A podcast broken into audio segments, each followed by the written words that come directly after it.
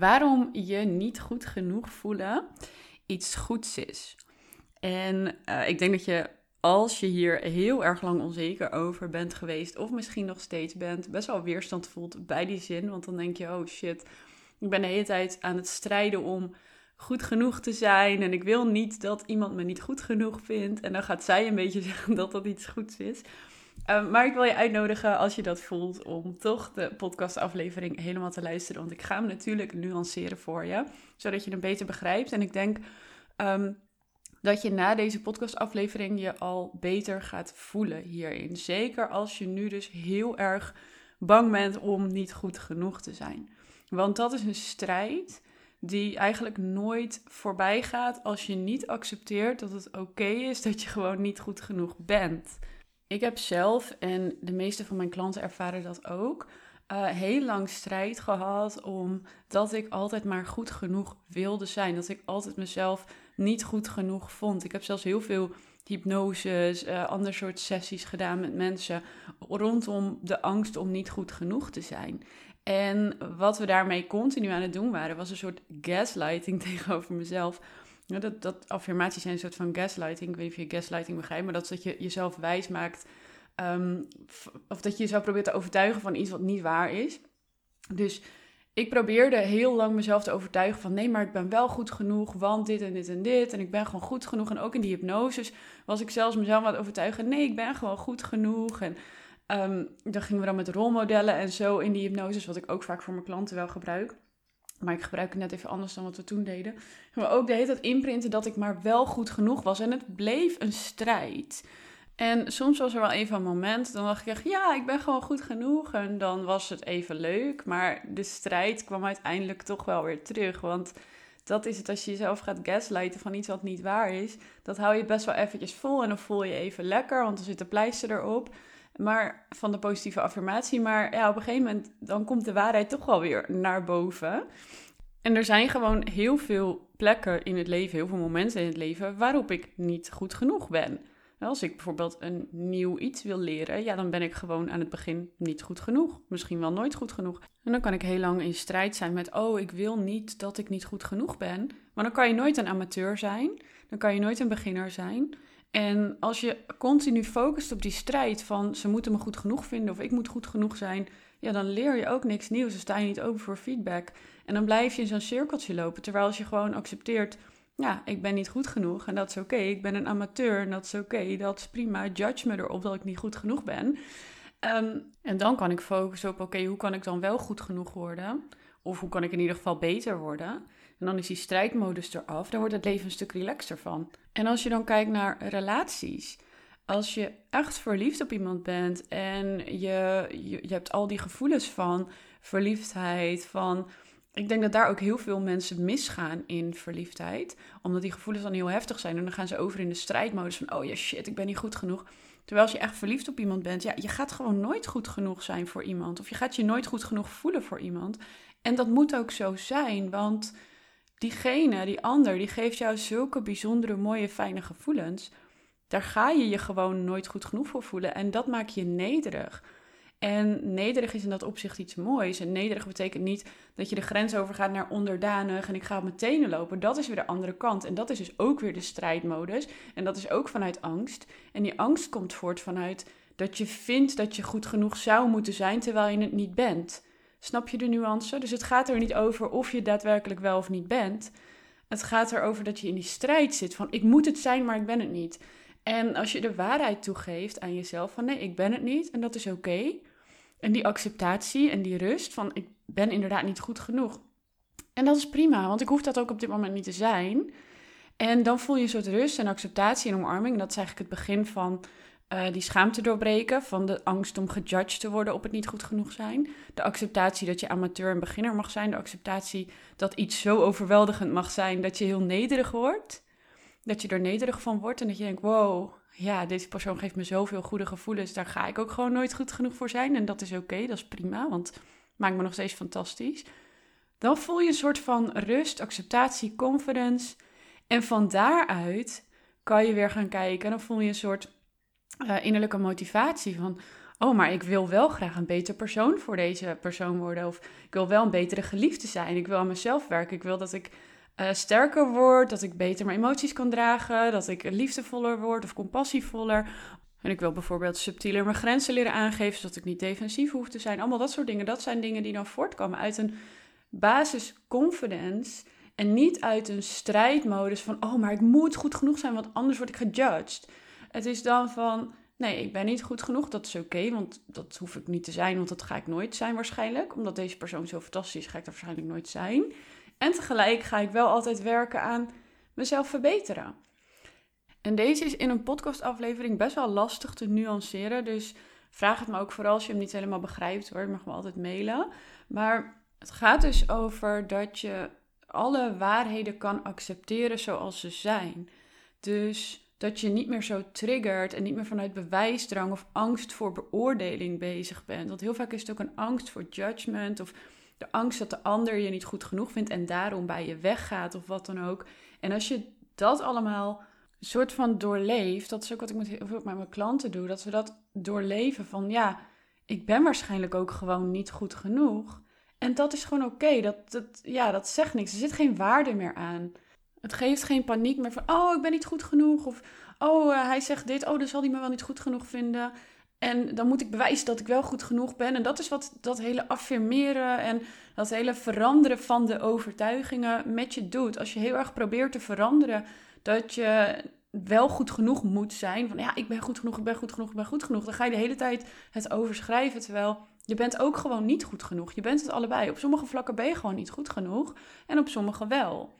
En als je daar gewoon oké mee bent en daar niet meer zo op triggert, dan stel dat er dan iets gebeurt dat je geliefde of je date je feedback geeft, dan kan je daar gewoon rustig in blijven. Of dat je geliefde bijvoorbeeld een keer emotioneel terugtrekt, dat je niet gelijk in de paniek schiet van, oh, ik zal wel niet goed genoeg zijn. Maar dat je gewoon voelt, oh, nou ja, misschien ben ik ook niet goed genoeg. Maar dan kunnen we daar in ieder geval even over in gesprek. Dan is het allemaal veel rustiger. En de grap is, als je accepteert dat het oké is om niet goed genoeg te zijn, word je ook veel sneller wel goed genoeg. Want dan kan je namelijk dus bijvoorbeeld feedback gewoon aannemen, zonder dat je helemaal in paniek schiet of in de trigger schiet. Oh ja, nou ja, hij raakt me niet meer op niet goed genoeg zijn, want daar ben ik gewoon oké mee. En dan kan je gewoon in gesprek daarover van, hé, hey, wat wil je dat ik verander? En dan kan diegene dat aangeven. En als diegene dat aangeeft, kan jij weer besluiten: oké, dit wil ik wel veranderen, hier ben ik het mee eens. En dit niet. Dit heb ik gewoon bewust zo gekozen, dus dat verander ik niet. En dan kan die ander weer kijken: oké, maar wat wil ik daar dan mee? Dus ja, zo wordt het een, een dialoog in plaats van een soort monoloog in je hoofd. Van oh, hij judged me, dus dit, dus dat. En dan ga je helemaal in zo'n paniekmodus. Terwijl, ja, dat maakt afstand. En ja, oké zijn met niet goed genoeg zijn behoudt dus verbinding omdat je in gesprek kan blijven en niet terugtrekt. Dus de strijd staat dan niet meer voorop. Nu, als je nog steeds bang bent om niet goed genoeg te zijn en daarop gejudged worden, staat die strijd voorop. En niet je echte groei en echte ontwikkeling en de dingen waar je wel op wil focussen. Je wil eigenlijk helemaal gewoon niet meer op die strijd focussen, maar op, oké, hoe kan ik dan wel goed genoeg worden? Of nou ja, het gaat dan niet over goed genoeg, maar hoe kan ik mezelf verbeteren? Dat is een andere taal, maar je snapt wat ik bedoel, denk ik. En het geldt natuurlijk ook op alle andere vlakken. De meest succesvolle mensen die ik hier ook spreek, en hier zijn echt super veel succesvolle mensen om mij heen, die zeggen ook, ja, I never feel good enough and that's a good thing. Want dat geeft me vuur om te groeien, om te veranderen. En ik ben daardoor ook heel anders naar mijn business en mezelf gaan kijken. Van ja, voor mijn bedrijf, ik voel me ook heel vaak niet goed genoeg. Maar dat is mijn motivatie om te verbeteren, om nieuwe dingen te leren, om te groeien, om nog sterker naar mezelf te kijken. Van oh ja, hoe kan ik dat veranderen? Hoe kan ik anders met deze klant omgaan? Hoe kan ik daar betere feedback geven? En daar ben ik continu mee bezig. En dat geeft me vervulling. En die vervulling geeft me energie om weer meer te groeien. En als ik de hele tijd in strijd was met oh ja, ik ben niet goed genoeg, maar ik wil wel goed genoeg zijn. Ja, dan ging al mijn energie naar die strijd. En nu is er gewoon heel veel energie vrij om te zeggen: Oh ja, ik ben inderdaad daar niet goed genoeg. Nou, dan ga ik kijken hoe ik daar kan verbeteren. Dus ja, de kern van deze podcastaflevering, om hem lekker weer niet te lang te maken vandaag, is: accepteer dat je inderdaad niet goed genoeg bent. Zeg het ook tegen jezelf: Ik ben inderdaad niet goed genoeg. En dat dat dus helemaal prima is. En dat je daar alle betekenis een beetje van af mag halen. En als je wel het gevoel van, joh, ik kan die strijd maar niet loslaten, dat snap ik heel goed. Want ik doe dit soort dingen ook samen met mijn eigen coach. En ehm, ik doe het ook met mijn klanten natuurlijk voor, voor hun. het werkt gewoon veel sneller en makkelijker als je iemand hebt die direct vanuit liefde en compassie dit soort dingen aan je terug kan geven in het moment. Want um, niet goed genoeg zijn kan in jouw geheugen aan van alles gekoppeld zijn. En, en dan kan je met je hoofd denken, ja, oh, dat gaan wij echt niet accepteren. Uh, jij moet maar gewoon lekker die strijd vasthouden. Dat kan, hè. Dat, ik heb het best wel lang gehad met bijvoorbeeld, ik doe het verkeerd. Uh, daar had ik heel veel strijd aan vast. het heeft heel lang geduurd voordat, die, voordat ik die had geaccepteerd, dat ik het verkeerd mag doen. En dat komt natuurlijk op hetzelfde neer. Dus ja, dan zou ik je wel bijvoorbeeld mijn nieuwe groep aanraden. Ik heb er al zoiets over gedeeld in de podcast. Ik ga vanaf Valentijnsdag echt beginnen met de lancering. Dus daar ga ik er veel meer over delen. Maar in mijn groep gaan we elke maand in ieder geval een aantal van deze uh, schaamtes, noem ik het dan, doorbreken. Want we hebben er gewoon super veel. Bang om te veel te zijn, bang om een bitch te zijn, bang om te hard te zijn, bang om te gevoelig te zijn, bang om te zwak te zijn, te afhankelijk, het verkeerd te doen, afgewezen te zijn. Afwijzing duurt altijd wat langer, dus die pakken we wat vaker. Maar het zijn gewoon een heleboel. Te intens, te irritant, uh, weet ik veel wat allemaal. En dat houdt je allemaal tegen als je daar nog strijdmodus mee hebt. Dus ik doe dat met mijn klanten echt super vaak. En ik doe het voor mezelf ook nog steeds. Maar ik heb dan nu gelukkig niet meer per se mijn coach nodig. Ik heb mijn assistenten voor die het ook heel goed kan met mij. Maar kijk, ik heb dit werk wel anderhalf jaar lang met een coach gedaan. En dat we elke keer weer eentje eruit pakten. Het is gewoon fijn om het samen te doen. En in mijn nieuwe groep gaan we het dus echt met z'n allen doen. En dan ga je ook een buddy krijgen met wie je dat gaat doen en gaat oefenen, zodat het continuïteit wordt. En dan leer ik je ook de methodes daarvoor.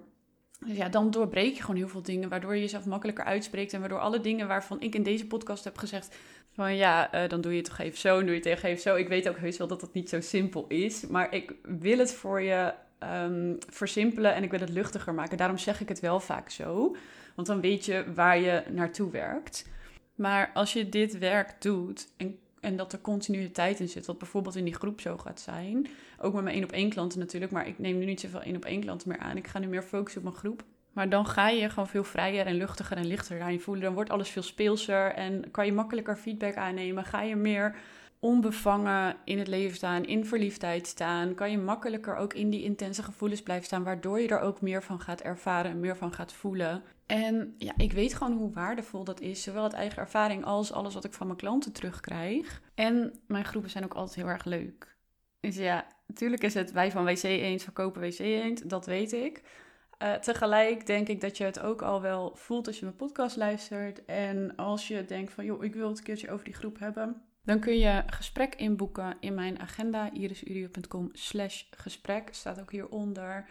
En ja, dan hebben we het erover. En dan geef ik je ook gewoon eerlijk terug of het wel of niet iets voor jou zou zijn. En ik maak groepen van maximaal 10 personen voor de sessies. Dus de groep is ook niet te groot. Want als er meer mensen in mijn programma komen, dan maak ik aparte groepen. Dus het wordt ook niet een super grote groep. Ik weet niet hoeveel het gaan worden, maar je zit met maximaal 10 in een groep. Dus je hebt altijd genoeg tijd om je vragen beantwoord te krijgen. En ik weet dat er ook best wel mensen zijn die dan zeggen van ja, ik weet niet of een groep wel wat voor mij is. Want al die vrouwen, en dat denken ongeveer alle vrouwen die bij mij in een groep komen vooraf. En achteraf denken ze er allemaal heel anders over en vinden ze het juist heel waardevol omdat ze ook onwijs veel van elkaar hebben geleerd. En ik zorg altijd voor een bepaald niveau in mijn groep. Dus ik zal het ook echt eerlijk zeggen als het niet passend is. Want ik weet ook uit ervaring van mijn eigen groepen, waar ik dan als deelnemer in heb gezeten, dat het gewoon heel naar is als er iemand helemaal buiten de boot valt. En daarom heb ik bijvoorbeeld vorig jaar, en dat is even een uitweiding en dan ga ik echt stoppen. Ehm, in december, vorig jaar of nee, het jaar daarvoor alweer, had ik uh, een groep, Feminine on Fire was dat toen nog. En toen waren er een aantal mensen die ik sprak in een gesprek. En ik zei van ja, jullie passen niet echt in deze groep. Um, dat heb ik gewoon eerlijk gezegd. En toen waren ze best wel natuurlijk een beetje teleurgesteld. Want ja, ze willen gewoon graag in de groep. En er waren ook een aantal mensen die ook echt zeiden van... ja, maar ik vind het gewoon fijn om in zo'n groep te zijn. En ik zei, maar jullie hebben iets anders nodig dan wat ik in de groep ga bieden. En toen is eigenlijk als een soort van zelf het idee ontstaan van... wow, dan ga ik gewoon een nieuwe groep maken. Want zij pasten dus wel heel goed bij elkaar. En zij zijn nu ook nog steeds allemaal vriendinnen met elkaar. Zij spreken elkaar nog. Dus dat was heel fijn dat dat op die manier ontstond. En ja, als dat nu gebeurt, dan ga ik dat ook gewoon zo doen. Dus ja, ik durf er heel erg op te vertrouwen dat ehm, als ik jou spreek aan de telefoon, dat ik al weet van nou, dit is wel wat voor je of niet wat voor je. En dan zou ik dat ook teruggeven. Dus als je het gevoel van, ja, ik weet niet of die groep wat voor me is, weet dat iedereen dat aan het begin een beetje had, tot ik met ze in gesprek was. Dus weet dat ja, iedereen die in de groep komt dat wel zo'n beetje ervaart. Dus ja, als je allemaal hetzelfde ervaart, kan je daar ook weer op verbinden. En dat gebeurt ook vaak in groepen. Ik denk juist, zeker als je een single vrouw bent die bijvoorbeeld heel veel vriendinnen heeft met relaties, of juist heel veel vriendinnen die al super lang single zijn, maar die allemaal helemaal niet echt een relatie willen, of in tegen hetzelfde aanlopen als jij, dan is het heel erg fijn en helpend om juist in een groep vrouwen te komen die allemaal met hetzelfde bezig zijn en daaraan werken en ook allemaal begeleid worden daarin. Ik neem jullie allemaal aan de hand mee, want er is heel veel consistentie. Je hebt elke week een sessie.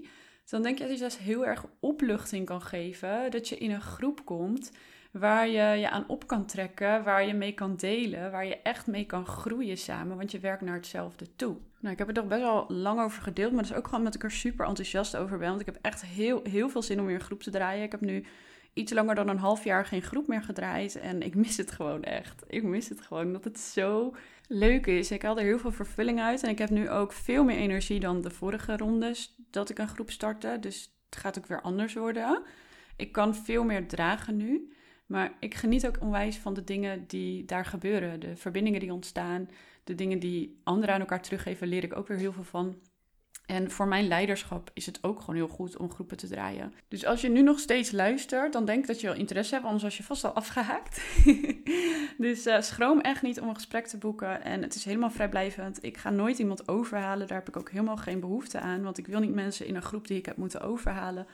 Uh, dus daar hoef je ook niet bang voor te zijn. Nou, ik weet niet welke angst ik nog meer allemaal weg kan nemen om misschien een gesprek te boeken. Maar ik weet gewoon van mezelf dat het soms best wel spannend kan zijn. Zeker op het gebied van de liefde. Omdat het gewoon heel erg dichtbij komt, je stelt heel je hart eigenlijk open. Dus ik voel me ook altijd wel soort um, ja, bevoorrecht dat ik mensen daarmee mag supporten en dat mensen daarmee in vertrouwen. Daarom voel ik ook altijd de verantwoordelijkheid om wat meer angsten weg te nemen voor de intro calls dan bijvoorbeeld een business coach of zo. En misschien is dat wel helemaal niet waar hoor. Misschien zijn er ook heel veel mensen die denken, nou, dat maakt me allemaal niet meer zoveel uit. Maar die komen even goed wel. Nou, dan ga ik nu mijn uh, reclameblok ook afronden. En dan zie ik je um, graag weer bij een volgende aflevering of misschien wel in een gesprek.